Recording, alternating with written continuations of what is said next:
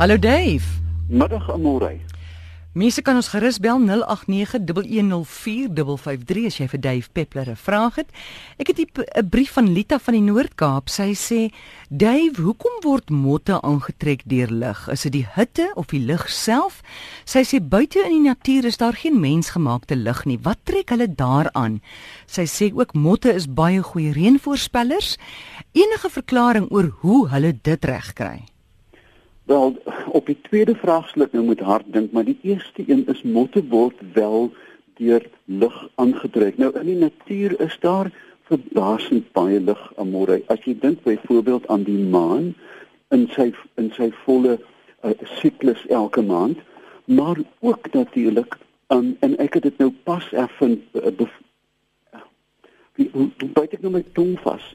Um, ek het dit nou pas belewe in Namibië selfs met die donker maan amore is daar sterlig. Het jy dit geweet? Dis 'n blou lig. Mm. Um wat die hele wêreld dan so soos 'n kombers oor lê.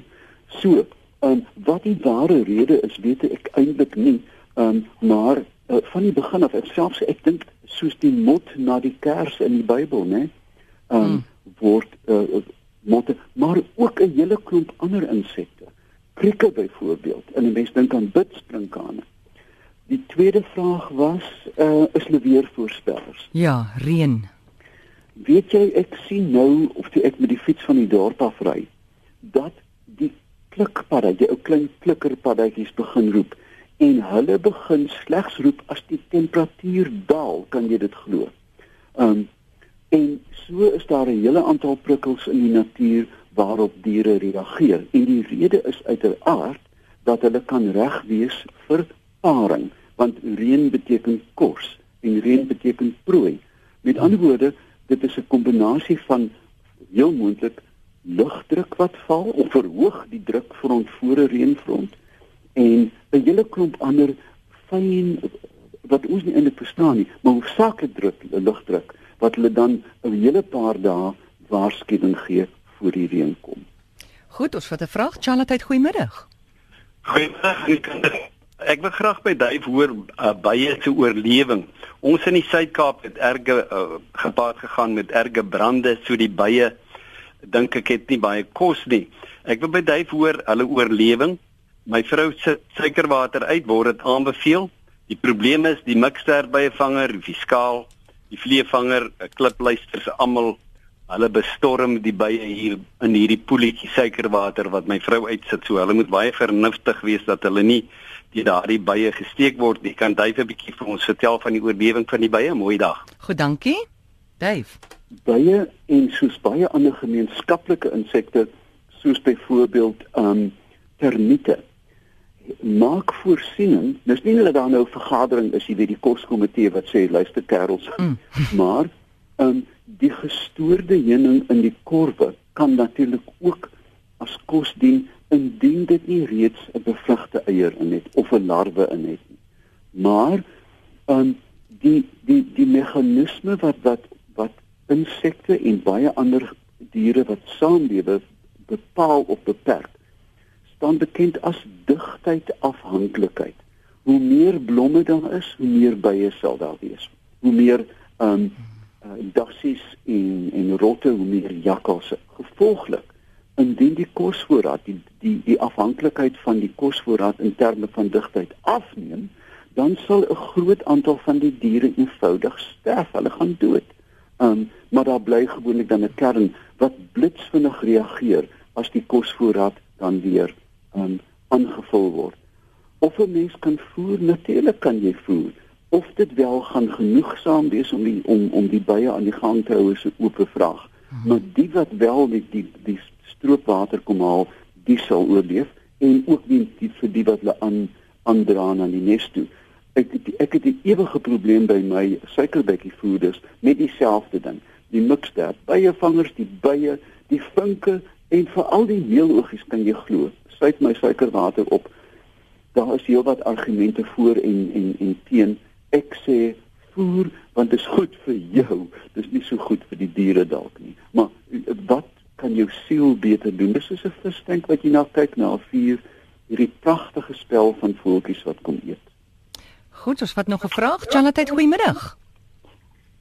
Hallo. Goeiemiddag. Praat maar. Uh, ek ek wil net dit ek wil net met David. Uh Klevia se so Hulle sê Klevia se so giftig. Maar ek het sien dat die wild hulle eet en hulle kon niks hoor nie. Goed, dankie. Ek gaan jou groet. Dis nie 'n lekker lyn nie. Is is Klevias giftig vir voëls, Dave? Nie wat ek van weet nie, maar ek kon die laaste deel van die vraag nie hoor nie.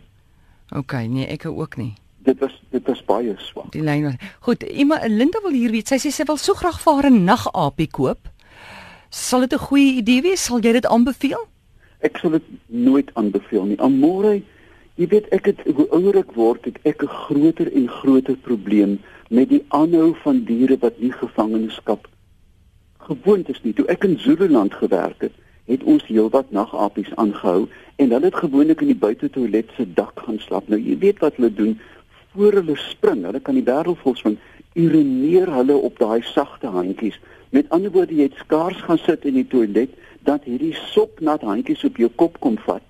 Ehm um, nou ja, hoeveel mense het er by buite toilet? En mens vind dat diere wat gewoond is aan gevangene wat nie gewoond is aan gevangenskap nie, vreemde gedrag ontwikkel. Jy weet die uh, arme Afrika gryspapegaai wat sy vere uittrek en die Engelse het so 'n mooi naam daarvoor displacement activity, verplasingsaktiwiteit. En ek dink dat hierdie diere werklik nooit gelukkig is nie. Daar is ander aapsoorte, soorte soos die uh klein spinnekop aapies, hele lot wat al vir dekades lank aangehou word um, en gewoond is aan gevangenskap. Maar 'n nagaapie vra ek mooi liewer nee. Hoekom trek 'n grys Afrika papegaai sy vere uit? Dit is van van van ongeloof van twee goed. Verveeldheid, mm. want hulle is groepdiere. Amore, ek ken hulle in Afrika waar 50 of 60 van hulle saamvlieg. Die vreemde natuurlik in die in die natuur is dat hulle niks naboots nie. Hulle is doodstil byna nou en dan 'n 'n mm. reuse um skree, maar hulle bootsie en al die nabootsing, al die vere uitreik en nog 'n ding, die herhaalde patrone van op en afloop op daai takkie. Um ek weet hulle is liewe diere. Ek het self een gehad om môre. Mm. Sy naam was Pumpkin. Um maar ek voel dat hierdie diere heel mooi is vir my. Mm. Baie mooier in die natuur is. En tensy jy baie groot hok het en jy het 'n mannetjie en 'n wyfie en hulle broei en is gelukkig. Mm. Maar 'n enkel voel in 'n koutjie, dit maak my hart baie seer. Gaan dit vir alle voels, ek meen dat voels eintlik sosiale wesens is? Hulle is sosiale wesens. Kyk, uiteraard uh, voels soos soos kanaries, dit word al vir sal ek sê duisende jare aangehou. Die pou op jou werf, né? Hulle het, is eintlik 'n wilde dier.